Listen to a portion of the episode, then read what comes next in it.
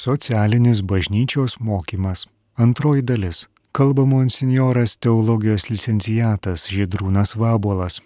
Bažnyčia dar kalba apie tai, kad e, egzistuoja žmogaus teisų viena vertus įvairovė, kita vertus vienybė.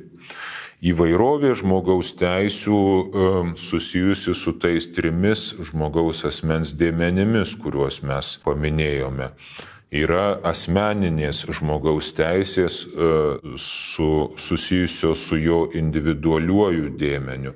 Tai, kad yra žmogus vertingas pats savyje, reiškia, jis turi teisę į gyvybę, turi teisę į visas būtinas e, priemonės tai gyvybei palaikyti, į e, visas būtinas sąlygas tą gyvybę išskleisti ir taip pat žodžiu, išlaikyti nepažeistą ir, e, ir nepribotą. Bet e, taip pat yra teisės susijusios su žmogaus socialiniu aspektu. Tai, e, tai, kad žmogus, pavyzdžiui, turi teisę į šeimą, neturi teisę kurti santykius, turi teisę, tarkim, į žodžio laisvę, į nuomonės laisvę, kaip skelbiama ir pasaulietiniuose žmogaus teisų sąrašuose. Tai yra vis teisės kylančios iš to socialinio žmogaus lygmens, kad žmogus yra būtybė, kuri yra santykė su kitais žmonėmis ir tada iš to kyla irgi atitinkamos teisės. Galų gale negalima pamiršti ir transcendentinio žmogaus dėmens, kuris taip pat sukuria tam tikras teisės, konkrečiai tai teisę į religijos laisvę. Ypač ta teisė e, pažeidžiama buvo, tarkim, Lietuvoje tarybiniais laikais, e, jinai pažeidžiama ir daugelie pasaulio šalių dar iki šiol, kur ribojama žmogaus teisė laisvai išpažinti savo tikėjimą, e, laisvai jį praktikuoti ir laisvai skelbti. Ir e, tokios teisės užgneužimas taip pat kyla iš neteisingo žmogaus sampratos. Tai vėl grįžta tas žmogaus asmens principo pažeidimas, žiūrint į jį neintegraliai ir pavyzdžiui eliminuojant, nubraukiant tai, kad jis yra ir atviras amžinybei. E, tarkim, sovietai jie skelbėsi, palikim nuo šaly, kaip jiems tas pavyko, bet jie skelbėsi, kad jie kovoja už darbininkų teisės ir rūpinasi, kad jiems būtų suteikta tai, kas jiem priklauso, kad jie galėtų naudoti savo darbo vaisiais, bet kartu jie draudė žmogui ieškoti Dievo ir praktikuoti savo religiją. Ir tai reiškia, kad e, susiaurino žmogų tik tai iki materialios, tik tai iki žemiškos būtybės, kuriam tai reikia pavalgyti e, ir apsirengti žodžiu, kuris turi tik materialinių poreikių, bet ne, neturi dvasinių poreikių. E, tai labai svarbu išlaikyti šitą žmogaus teisų įvairovę. Kartu bažnyčia pabrėžia, kad e, kadangi visos tos teisės yra to paties žmogaus e, teisės, tai egzistuoja ne tik įvairovė, bet taip pat ir jų vienybė. Ir kad neįmanoma vienų teisių garantuoti be kitų. Na pavyzdžiui, e, užtikrinant, tarkim, visuomeninę žmogaus teisės, bet negarantuojant jo teisės į gyvybę arba į e, būtinas socialinės sąlygas ir išteklius tai gyvybei palaikyti. E, žmogus galų gale nesinaudos, negebės naudotis ir savo socialinėmis teisėmis. Kaip labai paprastą pavyzdį galim paimti per kiekvienus rinkimus iškylančius skandalus, kad kažkas e, perka balsus už, e, už kelis eurus ar už kažkokias dovanas. Tai kodėl žmogus parduoda savo balsą už kelis eurus arba už kažkokį maisto davinį. Turbūt dėl to, kad jam to maisto trūksta ir, ir jeigu žmogui trūksta būtinų gyvybei palaikyti reikalingų išteklių, tai aišku, kad jam nebus svarbi jo balsavimo teisė ir nors jinai formaliai bus garantuota, bet žmogus jie paprasčiausiai nesinaudos. Tai čia tik vienas pavyzdys, kuris parodo, e, kad visos teisės, nors jos yra įvairios, bet visgi neatskiriamai viena su kita susijusios ir mm, būtina tą vienybę turėti galvoje. Dar ką bažnyčia pabrėžia, tai e, būtina žmogaus teisų ryšį su pareigomis. Kiekviena teisė e, generuoja pareigą. E, jinai generuoja, mano teisė generuoja pareigą kitam asmeniui, kuris privalo tą teisę gerbti. Tai pavyzdžiui, jeigu aš turiu teisę į gyvybę, reiškia kitas turi pareigą e, nepažeisti šitos mano teisės ir netgi ją palaikyti, ne, kad e, jeigu kyla pavojus mano gyvybei, tai kitas e, žmogus turi pareigą ir visuomenė, ir valstybė suteikti pagalbą, kad m, ta gyvybė kaip įmanoma gali būti išsaugota. Tačiau gal dar svarbesnis dalykas, kurį bažnyčia šitoje srityje pabrėžia, yra, kad e, kiekviena mano teisė sukuria pareigą ir man pačiam, ne tik kitiems, bet ir man pačiam. Tai e, Pavyzdžiui, teisė į gyvybę sukuria pareigą pirmiausia pačiam savo gyvybę gerbti ir ją puoselėti. Arba, tarkim, teisė į tiesos ieškojimą sukuria pareigą iš tiesų tos tiesos ieškoti. Labai dažnai žmogaus teisėmis prisidengiama siekiant pateisinti savo tinginystę. Na, tarkim, sakoma, aš turiu teisę e, netikėti, tarkim, Dievu, arba nepripažinti tam tikrų e, tiesų, nes aš turiu teisę pats e, tiesos ieškoti. Žinoma, kad kiekvienas turi teisę ieškoti tiesos, bet jis turi pareigą iš tiesų tos tiesos ieškoti, o dažniausiai, kurie apsigina tokią teisę, paskui nedaro nieko, kad iš tiesų tą tiesą savo gyvenime surastų ir tiesiog gyvena kaip, kaip jiems patogu, kaip jiems tuo metu e, na, paprasčiausiai priimtina. E, popiežius Benediktas XVI taip pat pabrėžia, kad pareigos e, teisės riboja ir tokiu būdu nustato teisingą santykį su teisėmis. Štai cituoju iš Caritas in Veritate 43 numerio, individualiosios teisės atsietos nuo jas įprasminančios pareigų aplinkos iškrinka ir sukelia praktiškai beribę bei jokių kriterijų neturinčią pretenzijų spiralę. Perdėtas teisų akcentavimas lemia nepakankamą dėmesį pareigoms. Ir Paskui e, popiežius kalba, nu, pateikia tokį pavyzdį, kad tai priveda prie tokių paradoksų, kaip Pavyzdžiui, kad vienose valstybėse yra negarantuojamos net elementarius žmogaus teisės, kaip teisė į gyvybę, į švarų vandenį, į maistą, o kitose e, imama reikalauti perteklinių teisių, netgi, kaip sako popiežius, imama reikalauti teisės laužyti teisę. Tai ir tai priveda prie tokių teisių monstrų, kaip pavyzdžiui teisė į abortą. Tai Tai e, Benediktas XVI šitą tikrovę būtent sieja su tuo, kad e, galvoji tik apie teisės, bet nepaisai pareigų, kurias jos sukelia pirmiausia tau pačiam. Ir štai vėl cituoju pažodžiui, popiežių Benediktą pareigos teisės riboja ir pareigos teisės sustiprina jų gynimą ir skatinimą, pateikdamos kaip užduoti tarnaujant gėriui.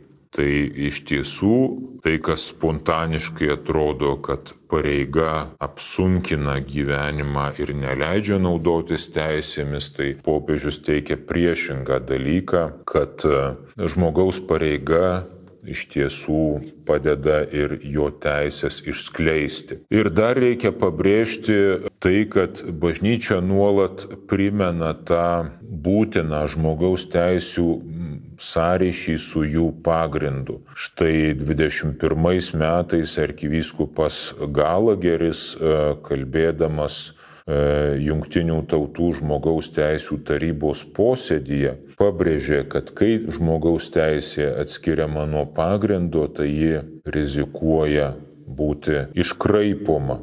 Ir e, pateikia tokį pavyzdį, kad ir bažnyčios, ir e, visuotinės žmogaus teisų e, deklaracijos yra pripažįstamas žmogaus orumas, kiekvieno žmogaus orumas ir tai, kad žmogaus, žmogui priklauso teisės nepriklausančios nuo susitarimo, laiko ar vietos aplinkybių.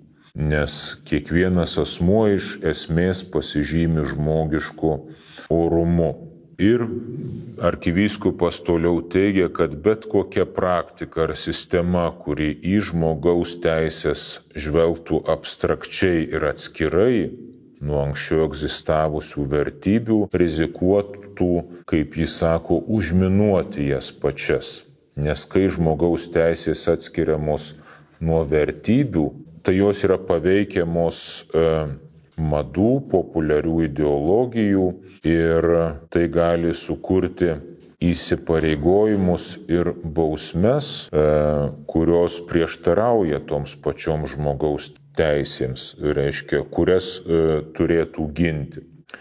Ir žinoma, arkivyskupas iliustruoja tai tokiu pavyzdžiu, kad gyvybė prieš tapdama teisę yra tiesiog pirminis ir pagrindinis gėris, kuris turi būti vertinamas ir ginamas ir teisės į gyvybę turinys palaipsniui buvo plečiamas priešinantis kankinimams, pagrobimams, mirties bausmiai, saugant senelius, vaikus ir taip toliau. Tačiau kai žmogaus teisė yra atskiriama nuo savojo pagrindo, tai gali kilti reali grėsmė tai vertybei, kurią ji turi apsaugoti.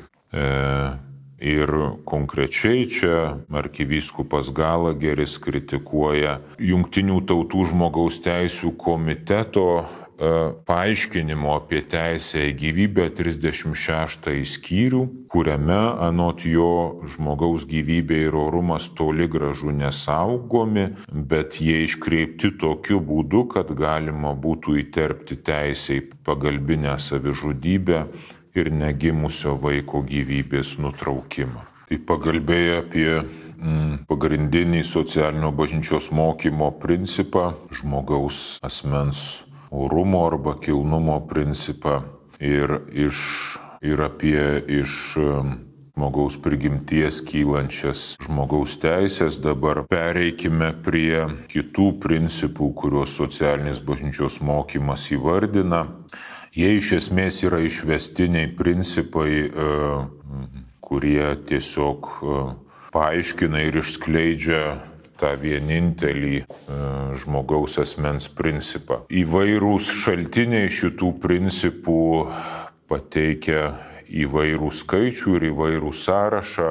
Tai tarkim mano minėtas Duketas, jų pateikia keturis, Kai kurie autoriai pateikia net ir po aštuonis arba po dešimt, e, bet mes vadovausime socialinio bažnyčios mokymo kompendiumu, kuris pateikia penkis principus, tai yra vienu daugiau negu, negu duketas. Ir e, pirmasis iš šitų principų yra bendrojo gėrio principas. Aiškinant bendro gėrio savoką labai praverčia visuomenės kaip organizmo suvokimas. Jau antikos, antikoje daugelis filosofų visuomenę mėgino lyginti su gyvu kūnu. Žinome, kad yra paštalas Paulius e, panašų pavyzdį pasėmė kalbėdamas apie bažnyčią kaip Kristaus kūną. Tai socialinis bažnyčios mokymas e, šitą pavyzdį pasiima, tiesa vartoja atsargiai, kad neperlenktų lasdos į kitą pusę ir netaptų savotiška socializmo e, ideologijos atmaina, kuri e, visuomenę arba visuomenį organizmą iškėlė aukščiau už žmogaus asmenį. Tačiau organizmo įvaizdis duoda tris geras idėjas apie visuomenę. Tai pirmiausia, taip kaip organizmas nesu, nesunyksta sunykstant atskiroms jo lastelėms, taip ir visuomenė neatsiranda su vieno žmogaus gimimu ir nesibaigia su jo mirtimi. Visuomenė tęsiasi.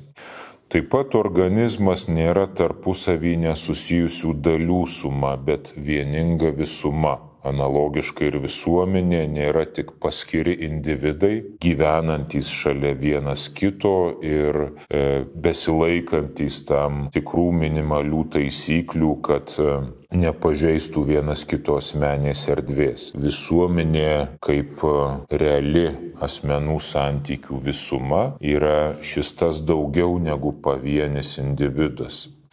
Ir taip pat organizmas, e, kaip žinom, nenaikina savo narių, bet normaliom sąlygom juos globoja ir jais rūpinasi. Taip panašiai ir visuomenė turi savo nariais rūpintis. Tai štai e, vadovaudamasi e, šitomis įžvalgomis bažnyčia kalba apie bendrojo gėrio principą.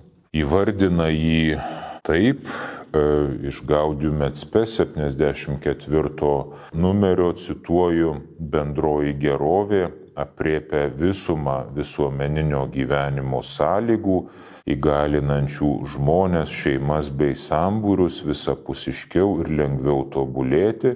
To paties dokumento 26 numeris irgi e, praktiškai pažodžiui kartoja tą pačią mintį. Bendrasis gėris yra visuomeninio gyvenimo sąlygų visuma, leidžianti tiek grupėms, tiek pavieniams nariams geriau ir lengviau pasiekti tobulumą. Tai mm, bažnyčia, kalbėdama apie bendrąjį gėrį, kalba apie e, sąlygas. Kurti bendrąjį gėrį reiškia sukurti sąlygas ir ieškant tokio materialaus, bet gana išaiškingo pavyzdžio galima būtų sakyti, kad bendrasis gėris yra tarsi šiltnamis arba žiemos sodas su reikiama temperatūra, oro drėgme, šviesos kiekiu ir dirbožemiu. Ir tame dirbožemyje ir tose sąlygose kiekvienas augalas gali aukti ir vesti savo vaisių. Tai e,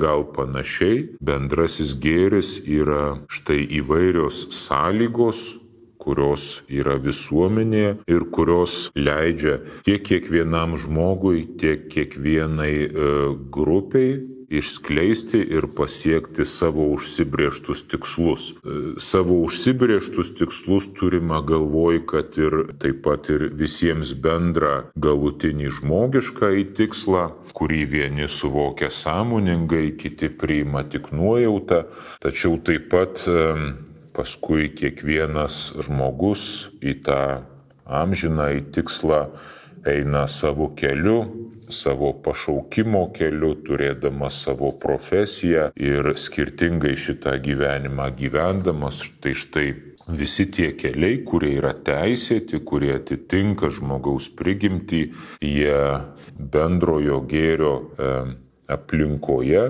gali skleistis ir būti įgyvendinti. Žodis bendrasis reiškia kad e, šitas gėris yra visiems skirtas, bet taip pat ir visų pastangomis sukurtas. Gaudium atspės 75 numeris teigia, kad e, visi piliečiai turi atminti, turi teisę ir draugę pareigą naudotis savo laisvu apsisprendimu bendrajai geroviai puoselėti.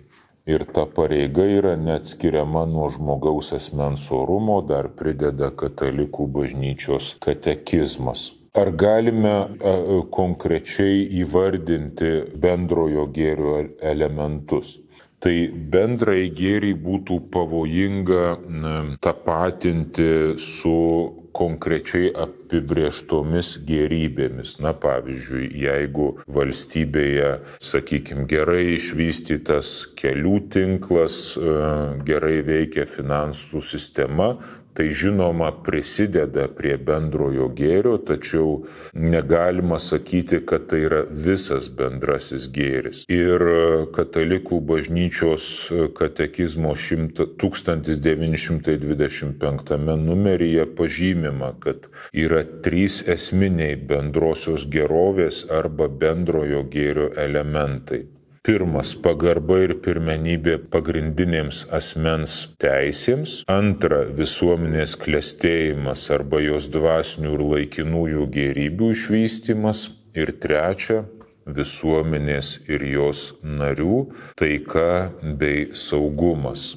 Tai kaip matom, e, į bendrą į gėrį įeina tas žmogaus teisų gerbimas, bet taip pat visuminis požiūris į žmogų, nes e, pabrėžiama, kad turi būti išvystomos ne tik laikinosios, bet ir dvasinės gerybės ir tik tada visuomenė iš tiesų klestės. Čia galima užsiminti apie nuolat e, popiežių primenama progreso arba pažangos arba vystimosi savoka. Vystimuisi visame socialinio bažnyčios mokymo dokumentų sąraše yra skirtos net trys enciklikos.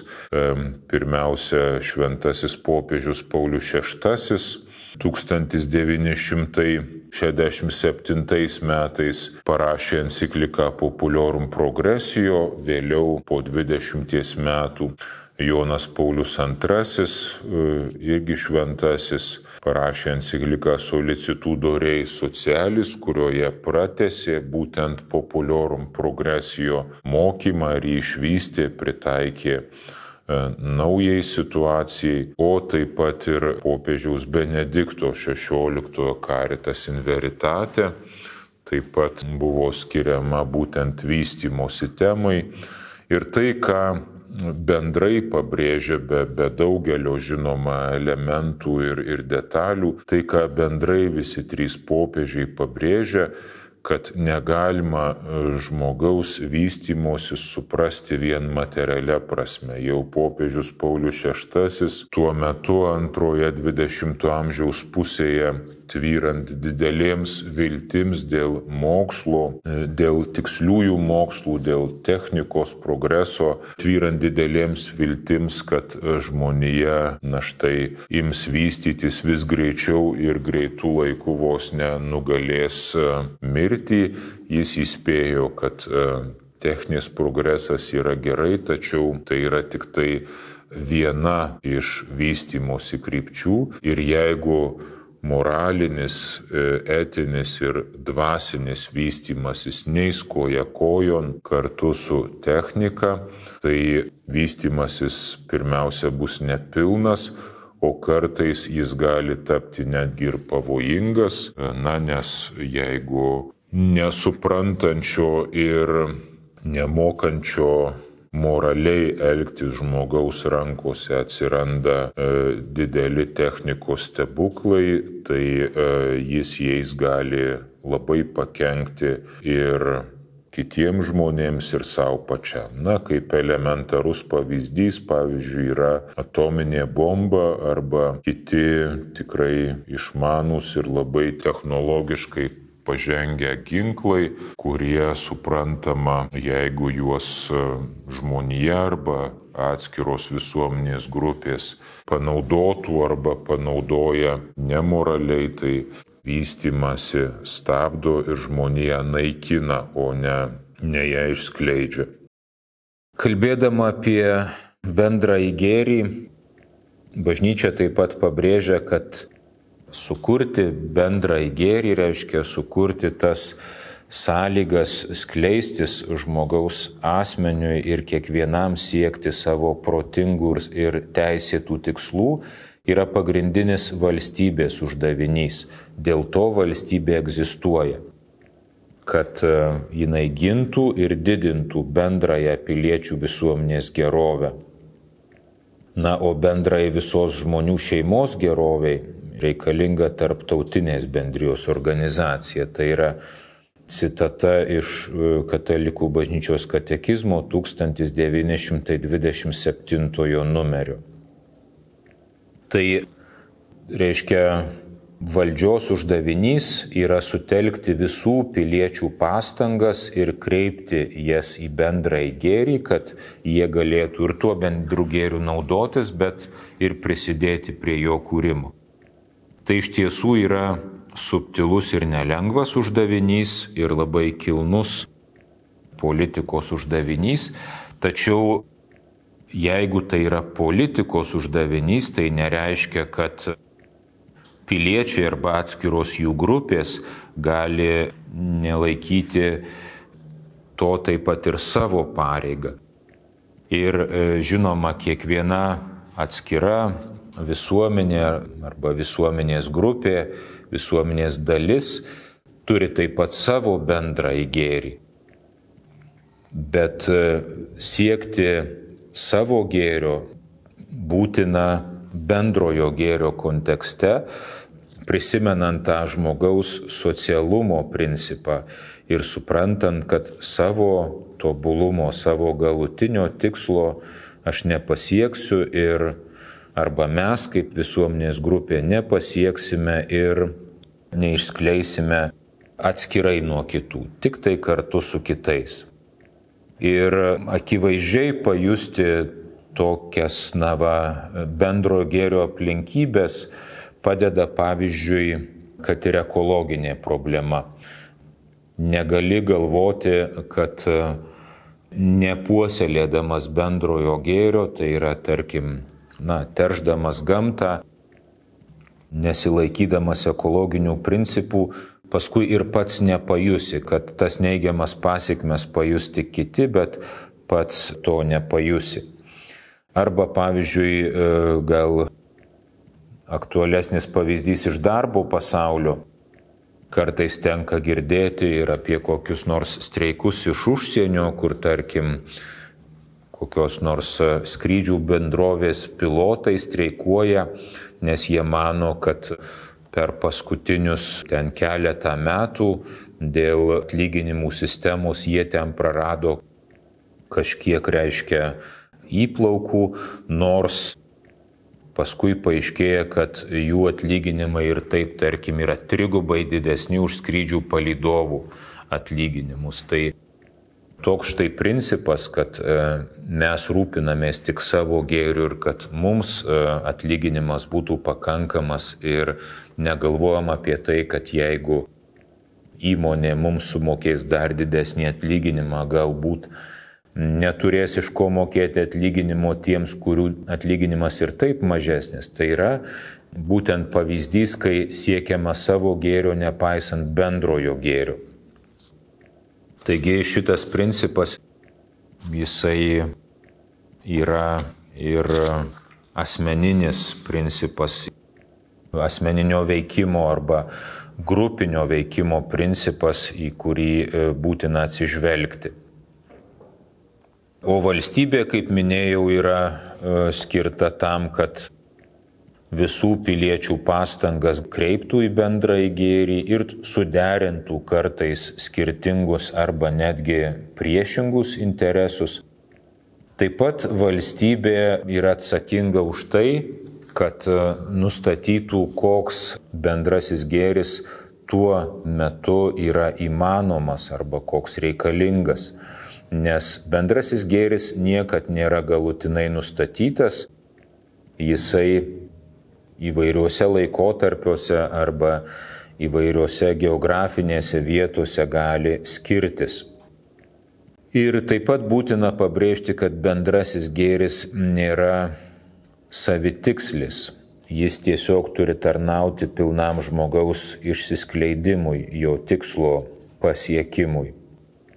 Ir turbūt dar svarbu pabrėžti, kad e, bendrasis gėris nėra tik interesų suma arba tik tai konsensusas, reiškia susitarimas. Jis yra žmogaus gėris, skirtas žmogaus išsiskleidimui, tai reiškia susijęs vėlgi su žmogaus asmens principu, su pilna tiesa apie žmogų. Ir dėl to neįmanoma, kad bendrasis gėris, pavyzdžiui, būtų toks, kuris neleistų ieškoti Dievo arba praktikuoti savo religijos, net jeigu dėl to susitartų E, demokratiniu būdu didesnė visuomenės dalis. Tiesiog toks susitarimas netitiktų žmogiškosios prigimties, o bendrasis gėris yra skirtas būtent išskleisti žmogiškąją prigimtį. Kitas principas, kurį e, bažnyčiai vardina, yra visuotinės gerybių paskirties principas. Ir šis principas iš esmės išplaukia iš prieš tai minėto bendrojo gėrio principo jis įvardinamas Antrojo Vatikano susirinkimo konstitucijos Gaudium et Spes 69 numeryje ir skamba taip. Žemė ir visa, kas joje Dievas paskyrė visų žmonių bei tautų naudojimui. Tad teisingumui vadovaujant ir meiliai lydint, sukurtosios gerybės turi lygiai tekti visiems. Šito principo logika yra tokia. Žmogus turi teisę į gyvybę ir tam, kad jis gyventų ir dargi gyventų kaip žmogus, ne tik tai kaip gyvūnas, jam reikalingos tam tikros gerybės, pirmiausia materialinės gerybės. Tai šitas principas kyla iš kiekvieno žmogaus teisės į gyvybę, kad iš tiesų visa žemė, kurią Dievas sukūrė, jinai skirta visiems žmonėms. Ir visiems žmonėms čia turima galvoj ne tik tai geografinė, bet taip pat ir chronologinė prasme. Reiškia ne tik visiems žmonėms, kurie šiuo metu gyvena Žemėje, bet ir visiems žmonėms, kurie dar gyvens po mūsų. Ir čia šitas visuotinės gerybių paskirties principas mus nukreipia į ekologinę laikyseną, apie kurią irgi socialiniam bažnyčios mokyme kalbama, kad elgtis pagarbiai Dievo kūrinijos atžvilgiu reiškia gerbti taip pat būsimųjų žmonijos kartų teisę gyventi žemėje, kuri dar būtų gyvenama. Iškia turėti švaraus maisto, atsigerti švaraus vandens, o pažeisdami tą, užterždami žemę, mes iš tiesų pažeidžiame ateinančių žmonijos kartų teisę į gyvybę ir būtinus gėrius tai gyvybei palaikyti. Popiežius Pius XII sako, kad šita visuotinė gerybių paskirtis yra įrašyta pačiose gerybėse ir kad galutinis šito principo pagrindas yra Dievas. Kaip pavyzdžiai šito visuotinio gerybio paskirties principo įgyvendinimo Diuketas, pavyzdžiui, duoda, kadangi parašytas jaunimui, duoda tokius labai e, praktiškus pavyzdžius, kaip pavyzdžiui, privalai leisti pasinaudoti kažkam savo asmeniu telefonu, jeigu kitam reikia pagalbos. Ir čia nėra tik tavo geras širdis, to reikalauja teisingumas, tai yra tavo pareiga. Šventasis Jonas Paulius II, kalbėdamas apie šį principą, naudojo terminą socialinė hipoteka, tai tarsi užstatas įkeistas turtas.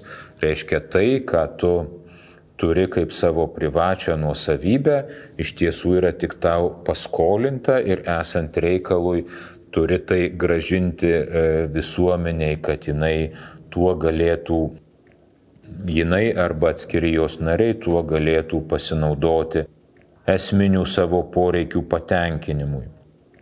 Taip pat tai, kaip minėjau, reiškia ir taupų gerybių naudojimą, kad e, paliktume tų gerybių dar ir ateinančioms kartoms.